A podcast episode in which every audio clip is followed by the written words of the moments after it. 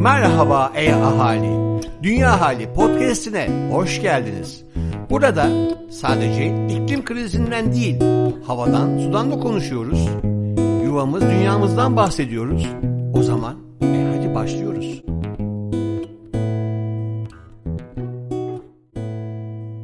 Dünya Ahali Bülten No 70 Selam Dünyalı Ben de bir dünyalıyım. Ben Ferah Türel. Yuvam Dünya Yönetim Kurulu üyesiyim. Bugün Dünya Ahali Bültenini sizler için seslendirmeye çalışacağım. İklim Masası bölümünde Çağla Fadıllıoğlu'nun bir yazısı. Güney Asya'da rekor sıcaklık çiftçiliğin geleceğini tehdit ediyor.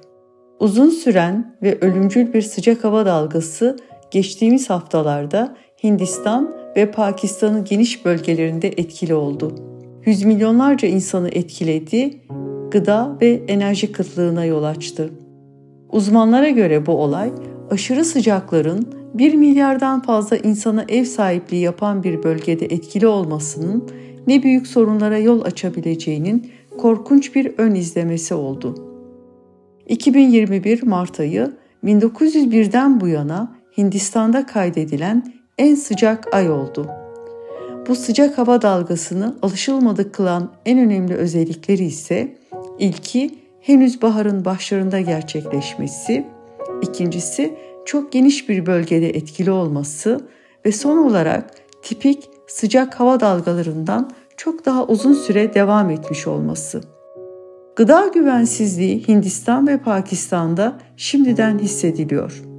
Öte yandan özellikle böylesine yüksek nüfuslu ülkelerdeki sorunlar yerel bir sorun olarak kalmıyor. Küresel anlamda ciddi yansımaları oluyor. Örneğin dünyanın en büyük ikinci buğday üreticisi olan Hindistan, kıtlığı önlemek için buğday ihracatını yasakladı. Ki biz bu sene ülke olarak bu yasaktan oldukça etkilendik. Bu karar buğday arzını azalttı ve dünya genelinde fiyatların yükselmesine neden oldu. İklim krizi ile gıda üretiminin gittikçe zorlaşacağı 7 milyar nüfuslu dünyada herkesin en azından hayatta kalması için gıdaya adil erişimi olması için acilen önlemler alınması gerekli. Küresel Gıda Görünümü Raporu Birleşmiş Milletler Gıda ve Tarım Örgütü tarafından yayımlanan Küresel Gıda Görünümü raporu, gıda güvenliği açısından endişe verici bulgular içeriyor. FAO, düşük gelirli ülkelerde güvensizliğinin daha da artmasının önlenmesine yardımcı olmak ve gıda ithalatını garanti altına almak için ödemeleri dengeleyecek bir mekanizma oluşturulmasını öneriyor.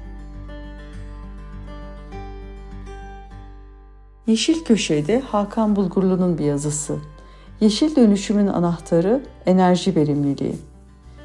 Dünyada orman yangınları, sel felaketleri gibi aşırı hava olaylarının gölgesinde geçen 2021 yazının ardından bu yılda yaz mevsimini rekor sıcaklık haberleriyle karşıladık. Jeopolitik gerginlikler de iklim krizinin her geçen gün artan yıkıcı etkilerini körüklüyor. Dünya, Rusya-Ukrayna savaşını tetiklediği bir enerji krizinin içinde. Gıda krizinin ise eşiğinde. Zor bir süreçten geçiyoruz. Rusya, Ukrayna arasındaki gerilim Avrupa Birliği başta olmak üzere genel olarak fosil yakıtlara olan bağlılığa dikkat çekti. Sürdürülebilir kalkınma için temiz enerjiye geçişin hızlanması gerektiğini gösterdi. Tüm bu üzücü gelişmelerden tek bir mesaj çıkaracak olursak, bu mesaj yaşanabilir bir gelecek için yeşil dönüşümün hızlanması gerektiği olmalı.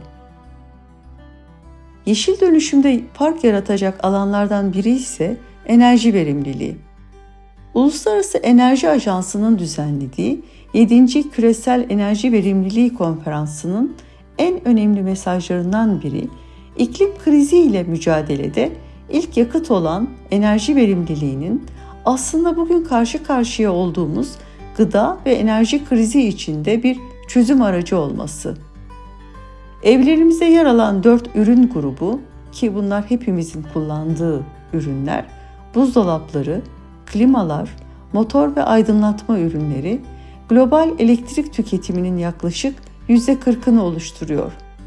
Sadece bir dört ürün grubunda en önemli, en verimli sınıfa geçiş yapılmasıyla yaklaşık 2100 kömür santralinin oluşturduğu yıllık emisyonu ortadan kaldırmak mümkün. Özellikle küresel ısınmanın etkisiyle her geçen gün kullanımı daha da artan soğutma sistemleri bu oranda en büyük paya sahip. Öte yandan dünyada herkes soğutma sistemlerine eşit erişim hakkına sahip değil. Bu durum gıda israfının da önde gelen nedenlerinden biri. Soğutma sistemlerine erişim yetersizliği nedeniyle üretilen gıdanın yaklaşık %15'i uygun koşullarda saklanamıyor ve israf oluyor. Belki de hep beraber ortak soğuk hava depolarının kullanılmasını sağlasak bu gıda israfını bir nebze de olsa engelleyebiliriz. Enerji verimli ürünler özellikle orta sınıfın hızla büyüdüğü ama regülasyonların yetersiz kaldığı gelişmekte olan ülkelerde büyük fark yaratabilir. Global emisyonların üçte ikisinin kaynağı gelişmekte olan ülkeler fakat temiz enerji yatırımlarının sadece beşte biri bu ülkelere yapılıyor. Bugün Hindistan'daki soğutma sistemleri Japonya gibi gelişmiş ülkelere kıyasla 3 kat daha fazla enerji tüketiyor. Afrika'da ise satılan klimaların %35'ini enerji verimliliği düşük ürünler oluşturuyor. Aşırı hava olaylarının en çok etkilediği bu bölgelerde enerji verimli ürünlerin kullanılması küresel olarak tüketilen enerji miktarını büyük ölçüde azaltabilir. İklim kriziyle mücadelede harekete geçmediğimiz her geçen gün geleceğimiz için bir tehdit niteliğinde. Artık iyi niyetli sözleri bir kenara bırakıp taahhütlerimizi gerçek aksiyonla destekleme zamanı. İyi haber şu ki yaşanabilir, net, sıfır bir gelecek için gerekli teknolojiye ve çözüm fırsatlarına sahibiz. İhtiyacımız olan tek şey harekete geçmek.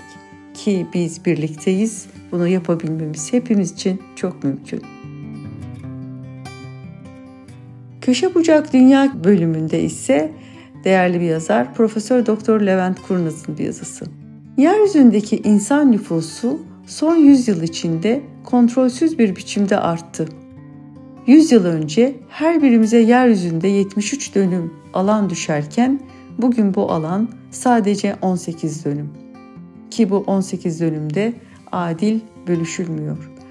Bundan 100 sene önce akil insanlar ortaya çıkıp 2022 yılında insan nüfusu neredeyse 8 milyara ulaşacak. Onun için hazır nüfus 2 milyarken düzgün bir planlama yapsak diyerek işe girişse ve bugünkü yaşamın altyapısını sağlasa belki bu kadar sorun yaşamazdık. Elbette 100 yıl önceki bu akil insanlara söyleyeceğimiz ilk şey aman dikkatli olun yeryüzünün o kadar insanı sürdürülebilir biçimde besleyecek kaynağı yok olurdu. Ama varsayalım ki o noktada yapacak bir şeyimiz yoktu. Öncelikle metropol ya da megapol denen kavramlardan uzak durmak gerekirdi. Bunun için öncelikle şehirlerin büyüklüğünü 1 milyon civarında sınırlayıp yeşil alanlar, su havzaları ve yaşam alanlarının iç içe olduğu bir kurgu yaratırdık. Sonra şehrin çevresindeki alanlarda da şehrin ihtiyacını karşılayacak büyüklükte tarım alanları olur. Sonra da bir sonraki şehrin etki alanı başlardı. Bir diğer seçeneğimiz yine şehirdeki her yapının kendi su toplama sistemi olur. Bina içerisinde çeşitli kalitede suyun dolaştığı ve kullanıldığı bir sistem zorunlu kılınırdı. Yine binaların yüksekliği 12 katı geçmez. Her binanın çatısında da toplanan suyla tarım yapılan küçük bahçeler olurdu. Bu bahçeler hem su tutmaya, hem besin üretmeye, hem de ısı yalıtımına destek sağlardı. Şehrin büyüklüğü araç kullanmayı zorunlu kılmayacağından yaya ve bisiklet ulaşımı için destek sistemleri kurulurdu. Ve son olarak yapılaşma mekanlarını dere yataklarından uzak tutar, dere yataklarındaki suyun da dümdüz kanallar yerine kıvrıla kıvrıla akmasını sağlayacak sistemler üretirdik. tüm bunları yapmadık. Artık yapmak için de çok geç. İşte tam da bu ortam üzerine bizler bir de iklimi bozduk. Eğer az önce hayal ettiğimiz şehirleri kurabilmiş olsaydık, ne şiddetli yağışlar ne uzun kuraklıklar bize bugün verdiği zararı verebilirdi. Hala suçlu arıyoruz. Suçlu şehir mi? İklim mi? İkisini de biz değiştirmedik mi? Sonuçta sorumlu biziz. Ne iklim ne de şehirlerin etkisi başımıza gelenler. Şimdi yarattığımız bir canavar diğerinden destek alarak arada bizlerden intikam almaya başladı. Ne yazık ki bu daha başlangıç ve biz harekete geçmezsek gelecekte alacakları intikamın boyutu çok daha büyük olacak. Haftaya görüşmek üzere. Sevgiyle kalın. Dünya ahalide ve yuvam dünyada birlikte olalım.